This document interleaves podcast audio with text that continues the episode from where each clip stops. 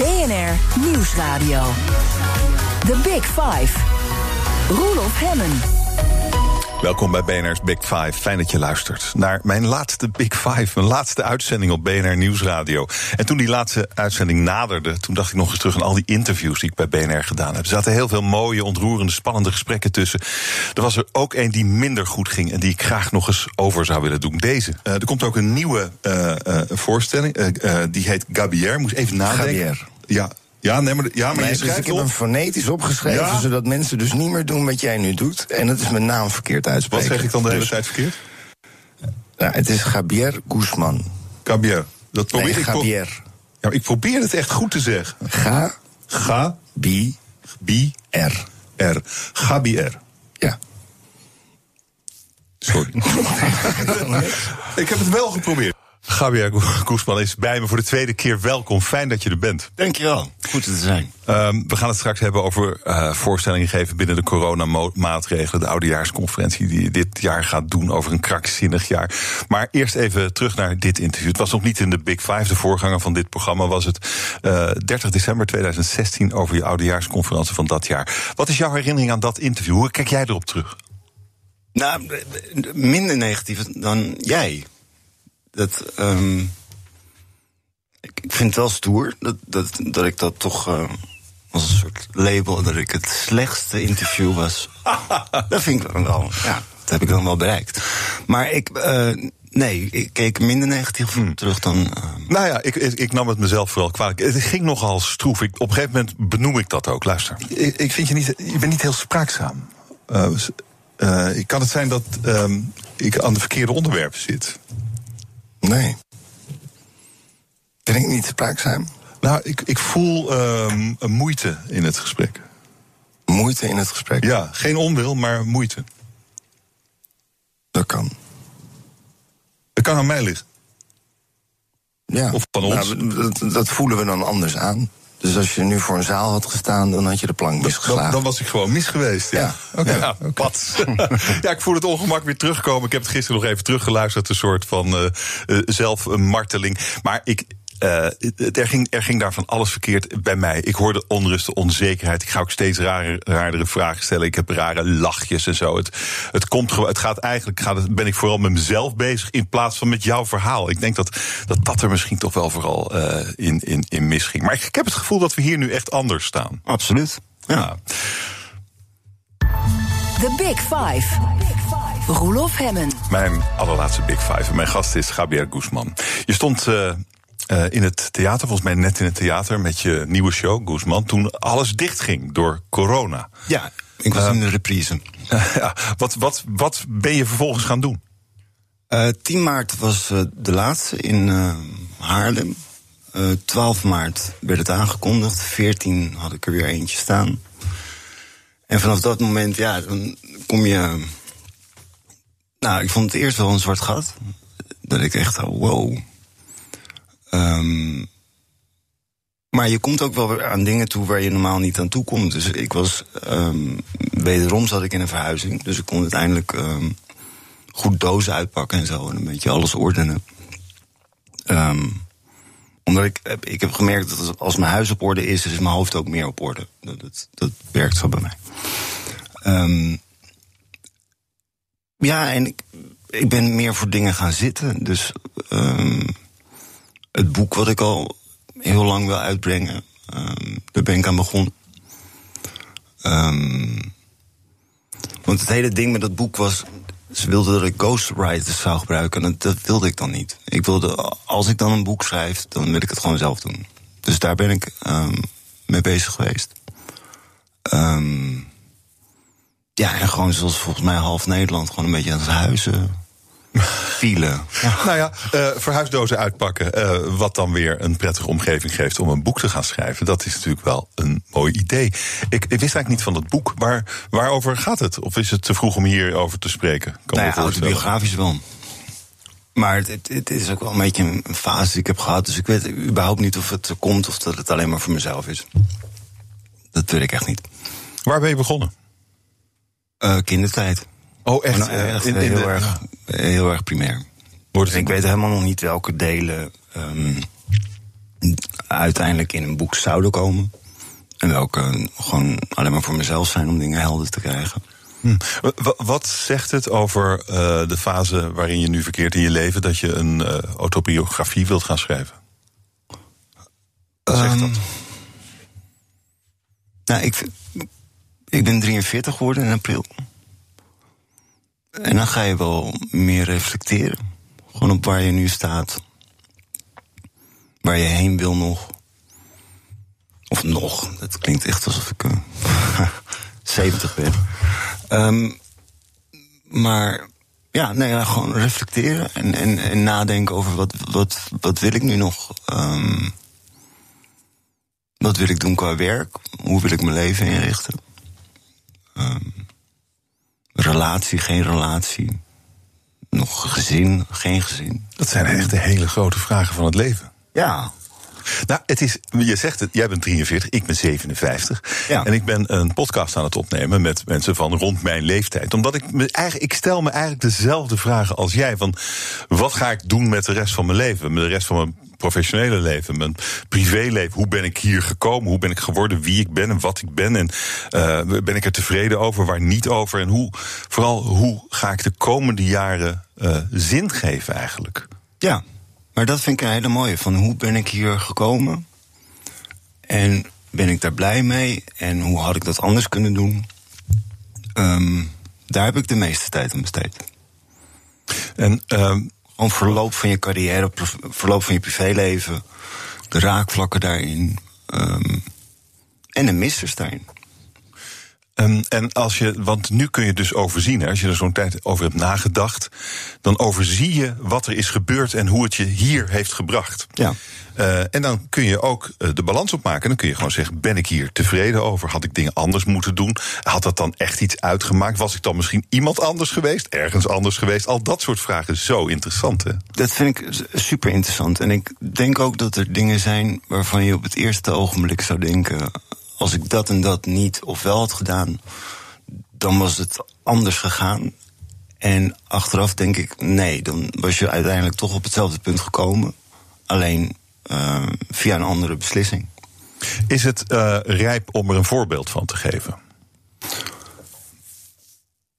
Nou, ik heb me wel eens afgevraagd als ik, als ik in een interview ehm, voor de zoveelste keer iets over verslaving eh, gevraagd werd. Van, was het me waard? Was het me waard geweest om die twee shows te maken? Ik heb heel veel mensen geholpen, ik heb mezelf geholpen. Ehm, maar als je op een gegeven moment wordt weggezet als een soort junk met een hobby, in plaats van gewoon een cabaretier met een, met een, eh, een issue, dan, dan ja, dan denk ik, was ik nu. Hadden mensen me nu anders gezien dan als ik die twee shows niet had gemaakt? En uiteindelijk denk ik niet. Want het is. Als ik daar niet eerlijk over was geweest, was ik wel eerlijk over al het andere geweest. Ik maak altijd shows waar, waar iets van mezelf in zit, eh, eh, waar eerlijkheid in zit. En meestal zijn shows, want ik, ik heb ook gewoon nagedacht over wat. Hoe zou je mijn shows nou kunnen omschrijven? Of hoe, hoe gaat het nou in zijn werk? En het is meestal gewoon een, een eigen situatie uitvergroot op de um, samenleving. Um, nou, bijvoorbeeld wat. wat um, het, is, het is bijvoorbeeld een lastige tijd om onbevangen te schrijven. Om, om jezelf niet te censureren. En dan kan je soms aan dingen denken en dan ga je jezelf dus al corrigeren. Terwijl je terwijl ik dan achteraf denk je, maar wacht even, als ik het niet fout bedoel. Ik ben namelijk nog nooit ergens tegen aangelopen. Qua, terwijl ik echt wel grove grappen heb gemaakt. Mm -hmm. En. en um, ja, we leven nu in een tijd dat een gaper van een drogisterij in Amsterdam van de gevel moet. omdat mensen er aanstoot aan nemen. omdat ze het een verwijzing naar het slavernijverleden vinden. Ja. Uh, er is een enorme gevoeligheid ontstaan op, op, op dat thema. maar eigenlijk op nog veel meer thema's. Ja. En is dat wat je bedoelt? Met, met dat je jezelf censuren. Maar wat is dat voor een cabaretier dan? Dat is verschrikkelijk. Nou, dat, ik denk dat heel veel cabaretiers er last van hebben ah. op dit moment. En het is iets waar je dus doorheen moet. Want niet wat je wilt. Um, het is niet zoals het moet en zoals het uh, hoort te gaan. Hoe ga jij er dan mee om? Dat ik het opschrijf en uiteindelijk. Um, of, ik ga het, of ik zeg het een keer op het toneel. Um, of ik denk bij iedere keer dat ik het net wil gaan zeggen, nee, toch niet. En dan hangt gewoon per avond uh, af of ik voel dat het kan of niet. Of het publiek het accepteert, bedoel je? Um, ja, maar dat is ook weer heel dubbel. Want als je het gevoel hebt dat mensen niet um, de grap snappen dat als ik iets zogenaamd racistisch zeg, dat ik het tegenovergestelde bedoel, dat het een aanklacht is tegen racisme. Ik heb echt wel in zalen uh, gestaan waarin ik. En dan kan ik ze zo pinpointen. Ik kan ze niet zien, maar ik kan ze voelen en ik kan ze horen. Waar je een foute lach hebt. En een foute lach is dat je voelt dat er mensen in de zaal zitten die denken: ja, zeg het. Ja, ja. En dan echt vanuit hier, hè, vanuit je onderbuik, van ja. En daar schrik ik soms wel heel erg van. En de foute lach is dan. Nou, de dubbele bodem niet snappen. Niet snappen dat ik het tegenovergestelde bedoel. Wat je, wat, je, wat je dan hoort is eigenlijk racisme. Ja, ja. absoluut. Absoluut. Het is ook als je nagaat. Um, ik zat met mijn technicus in de, in, uh, in de bus. En toen uh, vroeg ik hem... Uh, zeg Valentijn, hoeveel, hoeveel zwarte theaterdirecteuren kennen wij nou? We spelen over in Nederland. Nou, wij lang nadenken, één. Zwarte programmeurs. Ook echt op een halve hand te tellen. Zwarte technici, ook op een halve hand te tellen. En daar hebben we dan wel over gepraat. Van hoe, hoe is dat dan zo gekomen? En hoe kan het zijn dat bijvoorbeeld mijn manager dan door een theater wordt benaderd om de programmering te doen. En dat hij dan als opdracht meekrijgt: we willen een diverse publiek. Ja, zegt uh, Dries, manager. Misschien moet je dan gewoon een zwarte programmeur bellen in plaats van uh, deze witte Brabander. Misschien dat zij meer en diverse publiek binnenkrijgen dan, dan ik. Dus dan doet hij het niet. Wat ik heel sterk vind. Um, maar ja, het, het, is, het is achter de schermen in theater ja, een witte wereld. Maar je hebt niet het gevoel dat je. Um, ja, of ook weer wel, dat je grap, grappen niet kunt maken. Eh, ik vind nog steeds uh, dat je eigenlijk alles moet kunnen zeggen. Ja, nog steeds. Maar het klimaat is wel anders geworden. Ja, maar als ik. Dan had ik al jaren geleden gecapituleerd uh, ten aanzien van, van uh, grappen over de islam. En dat heb ik niet gedaan. En dat, dat is me door sommige mensen heel erg kwalijk genomen. Door anderen vonden dat dan weer een bevrijding. Omdat je dan hoorde ik gewoon via via dat ik samen met Hans nog de enige was die dat durfde. Nou, dat vind ik mind-blowing. Dat het gaat over durven. Dat er dus gesteld wordt dat er geweld of echte narigheid tegenover kan staan. Als je een grap maakt over religie. Als niet-religieus persoon. Ja, dat vind ik. Uh, Vind jij, vond jij de grap van Johan Derksen leuk? Absoluut niet. Hele, hele dommige. Maar eigenlijk, eigenlijk zegt hij wel hetzelfde als jij. Dus het is interessant dat, dat twee verschillende mannen er eenzelfde redenatie over kunnen hebben.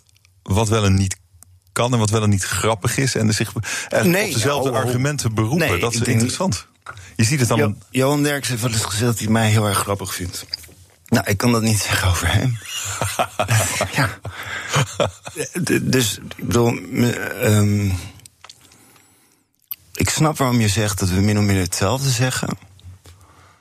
Um, maar ja, mijn grappen zijn gewoon beter. dat is ook mijn vak, maar, hè, dat is niet zijn vak. Maar vind jij, vind jij wel dat hij mag zeggen wat hij wil zeggen? Daar vind je elkaar misschien wel dan. Ja. Die corona. Ik wil hier straks nog wel, nog wel even over doorpraten. Maar ik wou nog een paar dingen over corona weten. Want uh, het gaat nu wel weer beter in de theaters. Je mag meer, hè? Ja. Uh, nou ja over corona en zelfcensuur gesproken. Ik zat net in een taxi en het is, het is nu verplicht om een mondkapje te dragen in de taxi. En ik word daar echt Spaans benauwd van, van dat ding. Dan ga ik van kokhalzen en, en gewoon... En, hm. en dat er dan door je hoofd heen schiet. Ja, ik snap wel waarom zoveel mensen I can't breathe op een mondkapje schrijven. Daar denk je dan meteen van, oh nee, moet ik niet doen. Nee. Maar de, dus die heb ik nog niet opgeschreven. I can't breathe. Maar de, de, nou, ik kende hem niet, maar ik vind het eigenlijk wel een slechte. Je vindt het een slechte grap? Ja, nou ja, ja eigenlijk wel. Maar het beeld vind ik grappig dat je iemand met een mondkapje ziet met die tekst erop. Ja, dat is grappig. Dus gewoon. Je kan moeilijk ademhalen door een mondkapje. Ja, door George Floyd is dat natuurlijk zo beladen geworden. Ik heb vanochtend, uh, toen ik de Volkskrant aan het lezen was, heb ik dat hele script, uh, zijn laatste minuut ja. gelezen. En dan staan de tranen in mijn ogen. Het eten staat volledig los van het andere. Het is ook niet. Als ik het daar met het zwarte vrienden over heb. Het is niet.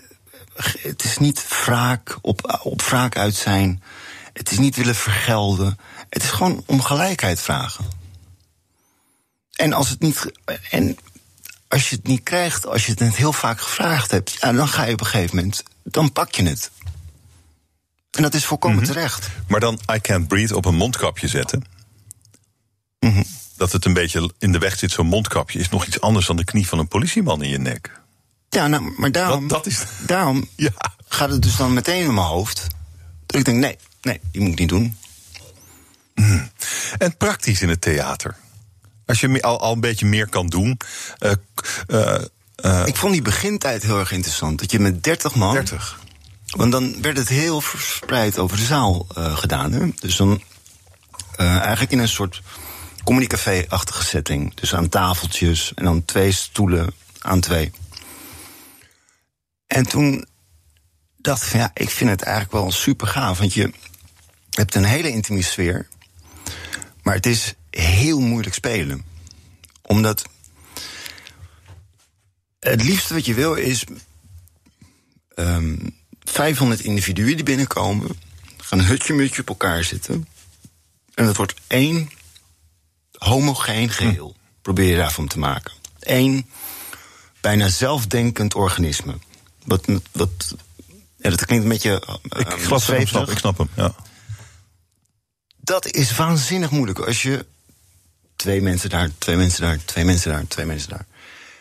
Heel erg verspreid over een zaal. Individuen. Nou, dan is het dus moeilijker om daar eh, een homogeen geheel van te maken dan, dan wanneer diezelfde 30 m- mensen alleen al dichter bij elkaar waren gaan zitten in die zaal. Lukt jou dat? Ja, En hoe doe je dat dan? Het is, het is harde werken. Maar ik vind de moeilijkheidsgraad ehm, vind ik wel interessant. Wat Dus bedoel je met harder werken? Dat je meer moeite moet doen om het tot een geheel te maken. En kun je daar een voorbeeld van geven? Nou, gevoelsmatig zeg ik dat normaal sta ik daar in het begin van de show heel even bij. Wat ik moet doen met die mensen. En als je voor 30 man speelt, merkte ik ehm, in die setting dan, hè, want ik heb heel vaak, zeker eh, in mijn stand-up comedy tijd, ook voor 10 man gespeeld. Dat, dat, dat, ehm, dat je er eigenlijk constant mee bezig bent het een geheel te laten blijven. Er moet eigenlijk veel meer energie in, kan ik me Ja. dan voorstellen. Om, Ja. om, elk, alles Ja. wat je doet, elke beweging, elke blik, elk woord. Dat bedoel je met harder werken. Ja, En dat vond je leuk. ja ik vind het gaaf. Dus het is jammer, eigenlijk jammer dat het weer een beetje weggaat nu. Want er mag, er mag dus veel meer in het theater. Ja, Hoewel die anderhalve ik meter. Het, ik, vind het, ik vind het echt een hele interessante tijd. Ik, ehm, sommige cabaretiers hebben een hele tour eruit getrokken. Um, ja, ieder zijn ding, maar ik heb juist zoiets van. Juist nu. Um, Mensen hebben er, hebben er behoefte aan. Ik heb, ik heb hier een vraag over van mijn gast van gisteren. was Robine de Lange. Zij is de president van de rechtbank in Rotterdam.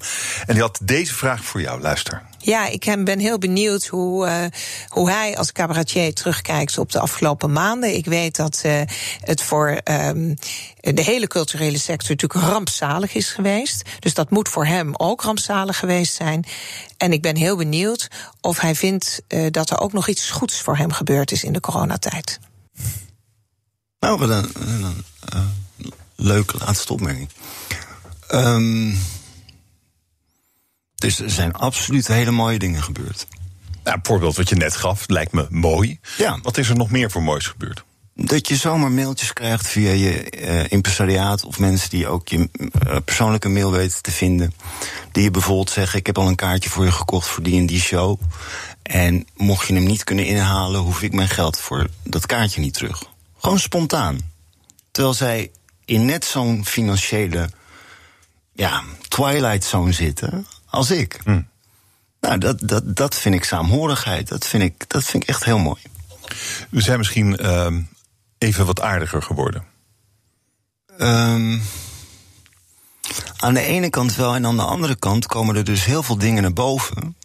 Het racisme-vraagstuk, boerenprotesten, mensen die tegen coronavirus protesteren. Um, het lijkt juist een tijd dat het heel erg in beweging is. Um, en dat mensen toch behoorlijk fel tegenover elkaar staan. En dat maakt het jaar 2020 misschien ook wel een heel interessant jaar. Mijn gast is cabaretier Javier Guzman. 2020 is zo'n gek jaar dat hij tegen al zijn plannen in nu toch een oudejaarsconferentie gaat doen. En hoe die eruit zou kunnen zien, gaan we zo meteen bespreken. Blijf bij ons. Dit is Kees, het zonnetje op de radio. Nou, dat lijkt me stug. Positief ingesteld. Dat lijkt me realistischer. Hij weet het altijd beter. Die blijkt ook wel vaker gelijk te krijgen als het daarover gaat. Is niet snel onder de indruk. Ja, dat is natuurlijk geen sterk verhaal. Waar zouden we zijn zonder Kees tekort? Dat uh, lijkt me een prima samenvatting. Elke werkdag even na 12. BNR Nieuwsradio. The Big Five. Roelof Hemmen. Welkom bij het tweede half uur van BNR's Big Five. Fijn dat je luistert. Mijn laatste week spreek ik vijf gasten over onderwerpen die mij fascineren. Mijn laatste gast deze week is Javier Koesman. Een revanche op mijn slechtste interview ook ooit.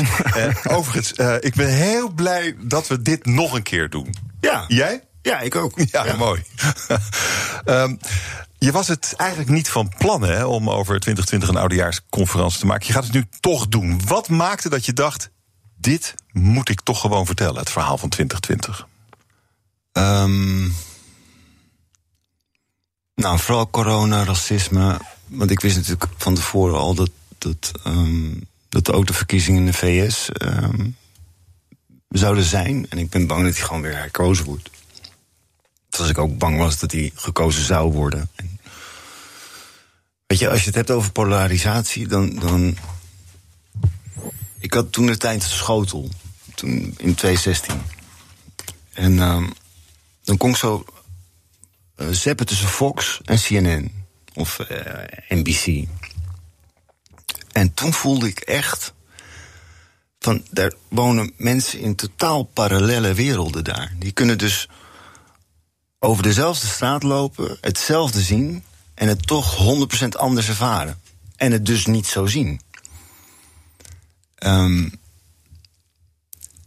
en ik ben bang dat we daar niet zo extreem als in uh, Amerika, maar wel op afstevenen. Dat, dat we steeds meer uit elkaar groeien en ook geen behoefte meer hebben om naar elkaar toe te groeien of om naar elkaar te luisteren. Um, het is, die ene schreeuwt iets, die andere die moet er overheen schreeuwen. En dan, dan is het bijna een soort ja, wedstrijdje wie, wie de hardste opmerking maakt, waardoor de ander stopt met praten. En een soort van je gelijk halen. Terwijl in een, in een gesprek is het niet op zich helemaal niet zo interessant wie er nou gelijk heeft. Als jij iets zegt wat mij inspireert, dan, dan kan ik het. ehm, dan kunnen we op andere partijen stemmen. Ehm, ik kan het over heel veel dingen niet met je eens zijn. Maar ik luister naar je. Nou, als je dan tegen, iets tegen me zegt waar ik van denk, ja, Fox, dat heb ik nog nooit zo gezien. Ja, dat, dat vind ik.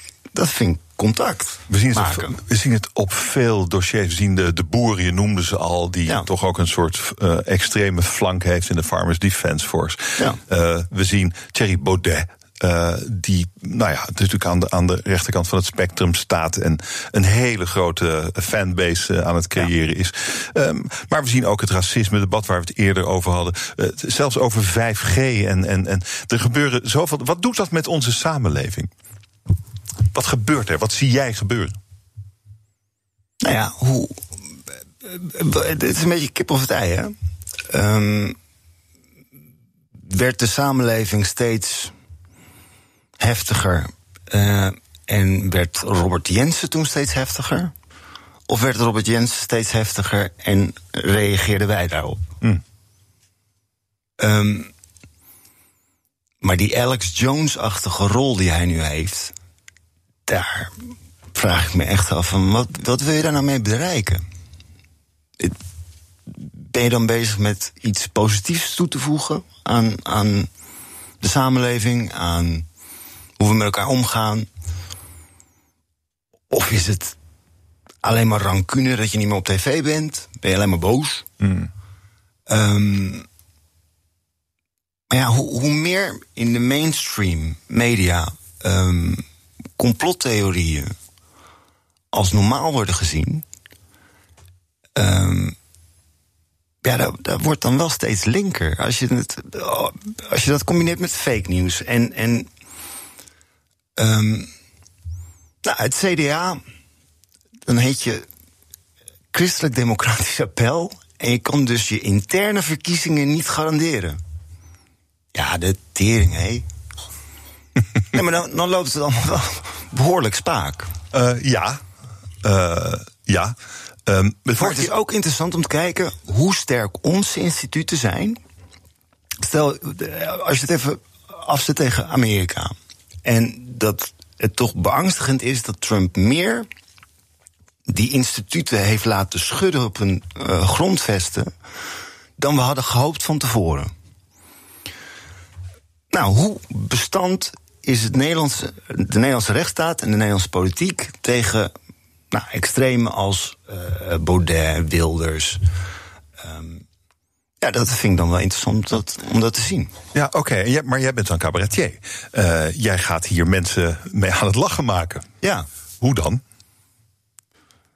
Nou, niet door die ene grap te doen die je slecht vindt. Want dat is, dat is, nee, dat is, eh, Maar eh, dit, dit is allemaal zo erg. Het is zo. Maar goed, dat is misschien juist natuurlijk mooi om. maar daar begin je heel vaak met schrijven. Eerst met de tragiek. Of je leest iets wat tragisch is. Of je voelt iets wat tragisch is. Of je observeert iets wat tragisch is. En dan pas als dat gedaald is en ingezonken, dan komen de grappen. Ehm, eh, toen wij elkaar 3,5, 4 jaar geleden spraken, eh, zei je op een gegeven moment: ja, we, we moeten het samen doen. En toen deed je ook zo met je handen. Samen eh, moet. Dat, dat vind jij waarschijnlijk nog steeds belangrijk. soort van Ja. samen. Wij zien nu steeds minder samen. Althans, op de flanken eh, zien we dat het verscherpt. Maar er is natuurlijk een heel groot midden. En ik denk dat het grote midden zijn best wel redelijke mensen. Absoluut. Dus daar zit misschien ook wel de hoop. Daar zit misschien, daar zit jouw publiek ook. Ehm, ja, dat, dat hoop ik. En, en die zullen ook echt wel in de flanken zitten. Ik denk niet zozeer in de rechterflank, maar dan wel in de linkerflank. Maar ehm, ook dat maakt, zou me niet per definitie iets uitmaken. Want ik vind het ook interessant als er iemand die juist totaal met alles van me oneens is, als die in mijn zaal zit en ik krijg die aan het lachen, op een goede manier. Ja, dan heb je het gevoel dat je niet staat te prediken voor eigen parochie. En dat je iemand nou, misschien wel anders over iets hebt laten nadenken. En dat is wel het doel natuurlijk. Is het doel dan ook samen? Of eh, Ja. Het, nou ja, het doel is. Kijk, je kan heel sec zeggen. Kom op, het is gewoon ook gewoon kwart over acht. Het zaallicht gaat uit. eh, eh, podium eh, licht op, er komt een mannetje op en die vertelt gewoon grappen. We gaan lachen. Ja. En gewoon een goede fijn. avond en, en, en plezier met je vrienden of met je vrouw, weet ik veel. Ehm, en als dat je enige streven is. um, ik ken vakgenoten die dat het hoogst. Nou ja, dan prima. Maar dat is niet, is niet mijn hoogste streven. Wel dat iedereen zich helemaal dubbel lacht. Maar ik hoop altijd wel dat mensen de zaal uitlopen. En niet alleen de grappen onthouden, maar ook waar de grappen symbool voor stonden. Of wat ik bedoelde te zeggen in de show of met die grap. En of dat iets met ze doet. En weet je, toen ik eh, begon, dacht ik echt van je kan op het toneel de hele wereld veranderen. En de, de langste discussie die ik ooit met mijn moeder heb gehad, was dat zij altijd tegen me zeggen: weer, je kan het denken van mensen niet in de kern veranderen. En ik dacht natuurlijk, waar heb jij het nou over? Ik doe, iedere avond doe ik dat. Maar wat zij bedoelde was, jij kan nooit zeker weten of iemand je gewoon aankijkt en zegt, ja, ja, inderdaad.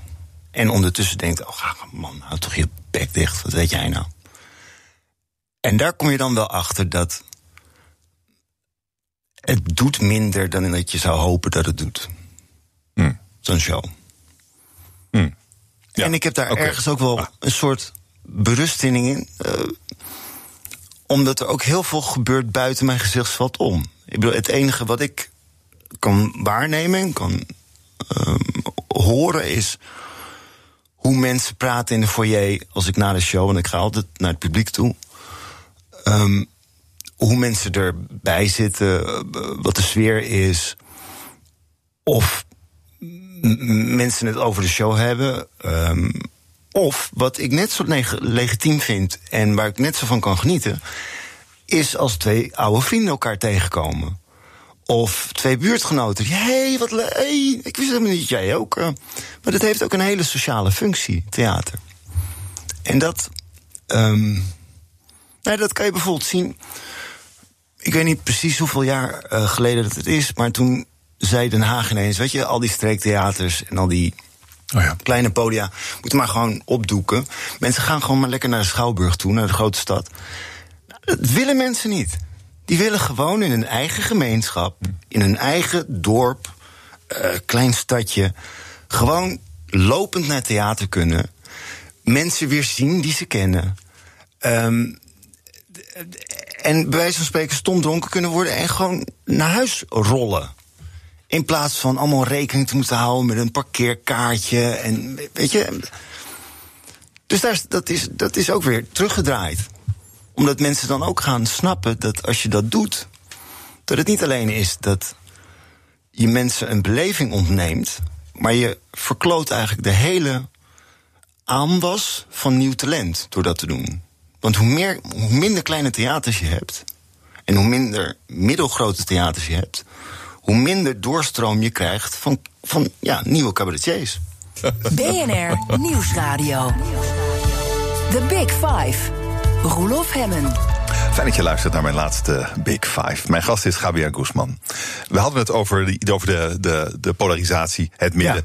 Eh, waar denk je dat, dat de situatie waar we nu in zitten toe leidt? Waar is dit een transitie? Op weg naar iets? En wat zou dat dan zijn? Wat denk je? Dat vind ik mooi gezegd. Dat hoop ik natuurlijk. Dat het. Dat het ehm, nou ja, zonder dat ieder meteen. Oh, daar gaan we weer.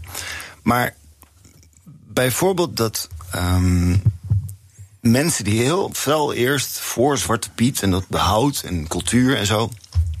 dat je een shifting eh, ziet gebeuren. Niet zozeer dat mensen het opgeven. Zo van, oké, laat het maar. Maar echt vanuit, oké, ik wist niet dat het zoveel pijn deed. En dat betekent dat mensen hebben geluisterd. En dat is positief. En, maar het, het is natuurlijk al een heel bizar ding... dat als Rutte één keer zegt in, tijdens een persconferentie... dat er racisme is in Nederland... dat mensen dat echt, wow, hij, heeft hij, hij zegt het gewoon. Terwijl dat weet toch iedereen? Net zoals iedereen weet dat we een halve narco-staat zijn. Net zoals iedereen weet dat corruptie in Nederland veel meer gebeurt dan dat wij doen voorkomen, zeker naar het buitenland toe. Dus dan denk ik, wat maakt dan dat mensen daar dan nog zo'n ophebben over maken? Dat hij zoiets zegt. Ehm, ja, hij noemde het ook systemisch racisme. Mhm. En alleen weet niemand wat systemisch is. Ja, omdat hij geïnstitutionaliseerd wilde ik niet uh, uitspreken. Um, maar waar gaat, het, waar gaat het naartoe? Je zegt als mensen begrijpen dat afscheid nemen van Zwarte Piet eigenlijk wel goed is, omdat er veel mensen last van hebben. Ik moet ja. zeggen dat ik zelf die transitie ook wel door. Ik was vroeger Sinterklaas twee zwarte pik, zwarte pieten.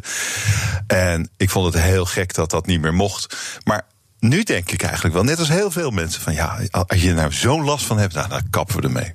Ja. Ik ben no zelf, hard feelings. Ik ben zelf ook. Uh, Toch? Ja, absoluut. En op welke vlakken zou je dat dan nog meer kunnen zien? Waar gaat het heen?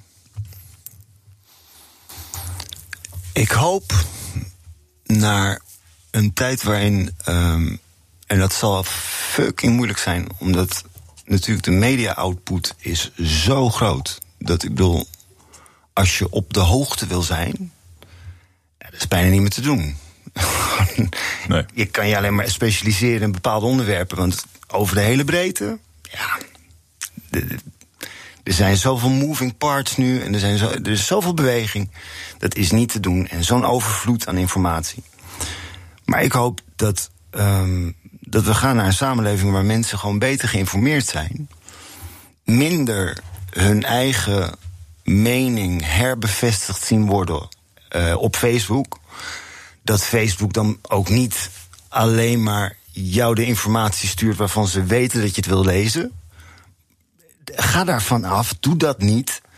Want als Zuckerberg oprecht is in wij willen de wereld in verbinding brengen met elkaar, helpt dat natuurlijk totaal niet. Door mensen alleen maar hun mm. eigen mening de hele tijd voor uh, te schotelen. Dan wordt het denken van mensen ook nooit Um, ja, moet het zeggen? Uh, redelijk. Redelijk en aan de, dat ze zichzelf aan de tand voelen. Hm. Ja, dat ze zelf kritischer gaan denken.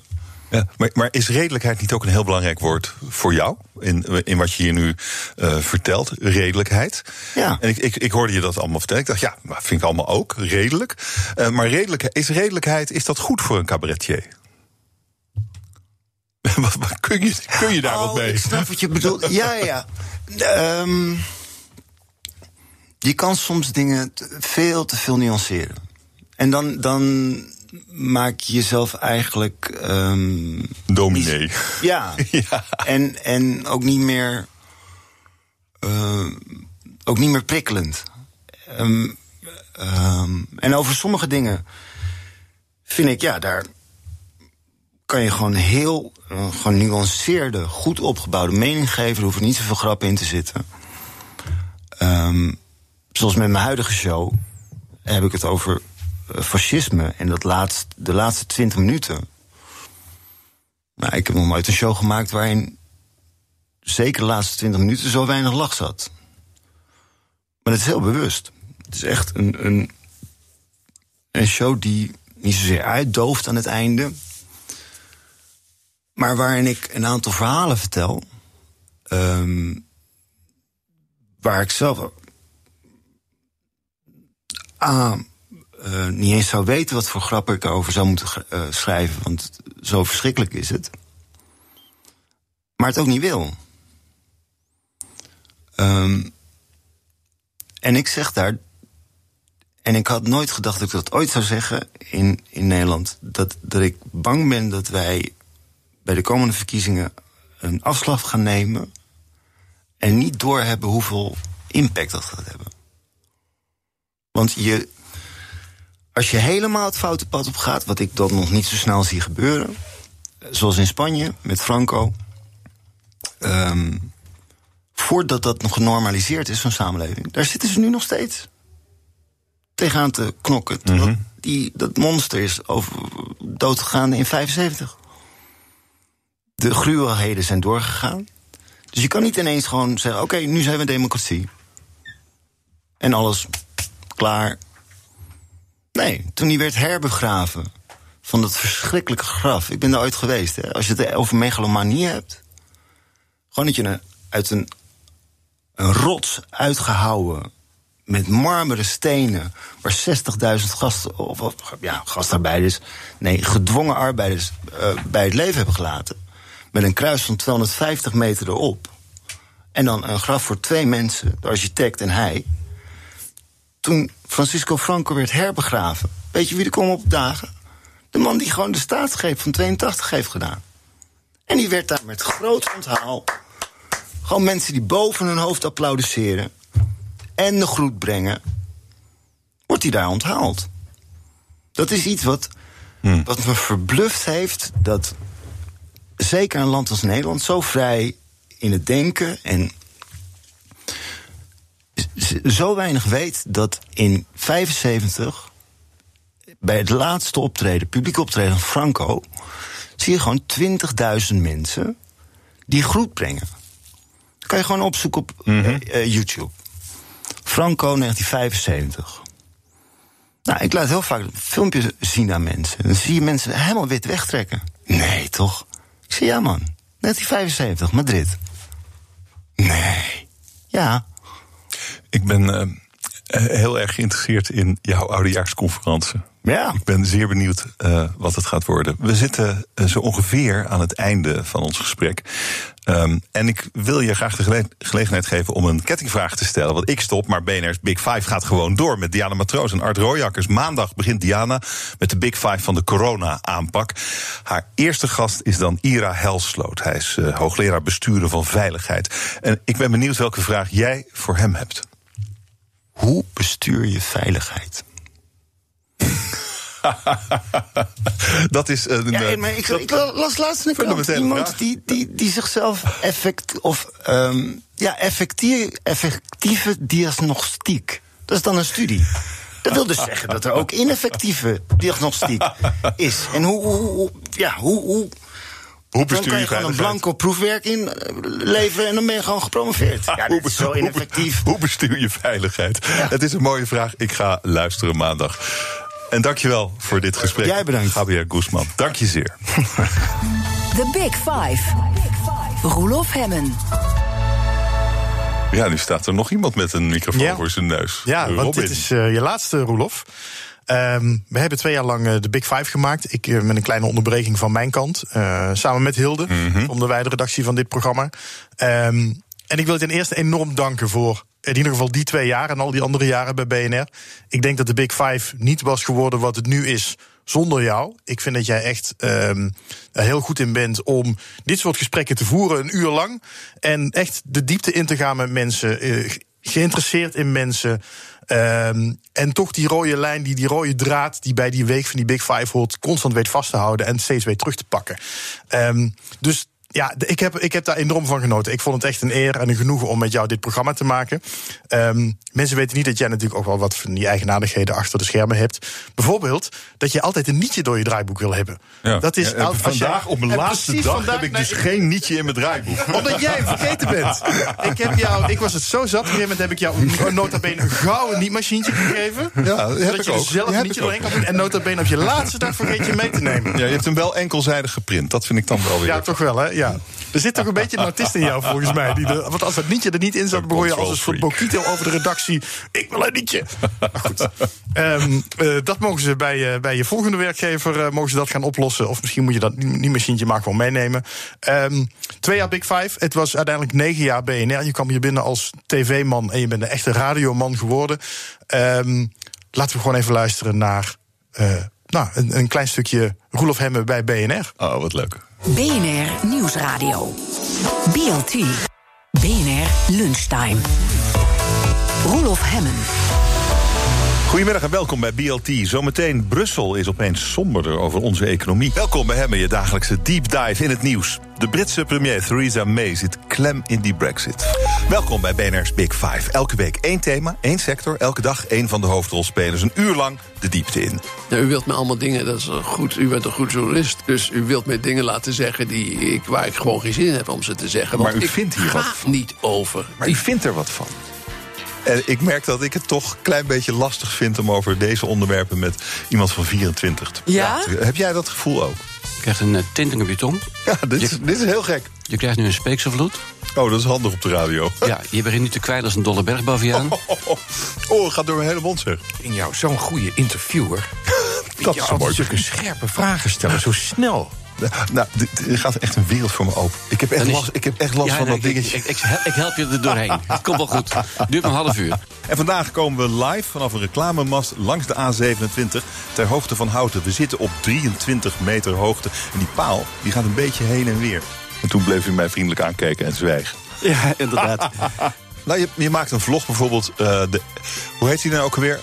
Eh, alleen mannen hebben vaginale orgasmen. Oh ja, maar dat is interessant om uit te leggen. Of sna snapte jij dat gelijk? Eh, We kunnen wel een eh, scoopje proberen. Ik heb nou, ik, denk, meegenomen. ik, denk, ik heb al getraind vanmorgen. Ik denk dat ik het niet nodig heb. Je hebt echt veel geleerd deze week. volgens Zo, mij. ja, zeg dat. Wat leuk. Wat waanzinnig leuk. Laatste woord is voor jou, Roelof. Oh, dankjewel Robin voor wat je net gezegd hebt en voor wat je hebt laten horen. Dankjewel.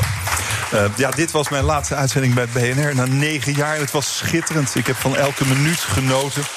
Big Five was voor mij de piek op de kerstboom. Elke dag een uur met interessante mensen over belangrijke onderwerpen. Een geschenk. en het werd gewaardeerd door jou, lieve luisteraar. Bedankt voor al die uren aandacht, voor de betrokken reacties, de aardige berichten. Ik zal je missen. Er was ook waardering vanuit het vak. De Big Five is genomineerd voor de zilveren reismicrofoon. Een prachtige erkenning van wat we doen.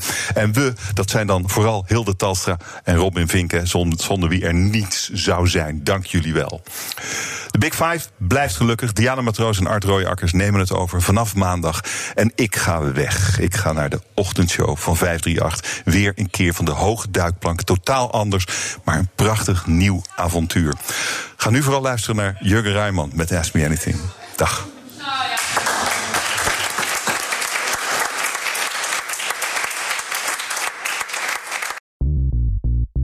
BNR ben je altijd als eerste op de hoogte van het laatste nieuws. Luister dagelijks live via internet. Jelle Maasbach. Wesley Weert. We zijn er voor je met het leukste, opvallendste, maar natuurlijk ook het belangrijkste nieuws. Tijdens de presentatie van die halfjaarcijfers toen die beurskoers in elkaar kukkelde. BNR Beurs. Voor de slimme belegger. Blijf scherp en mis niets.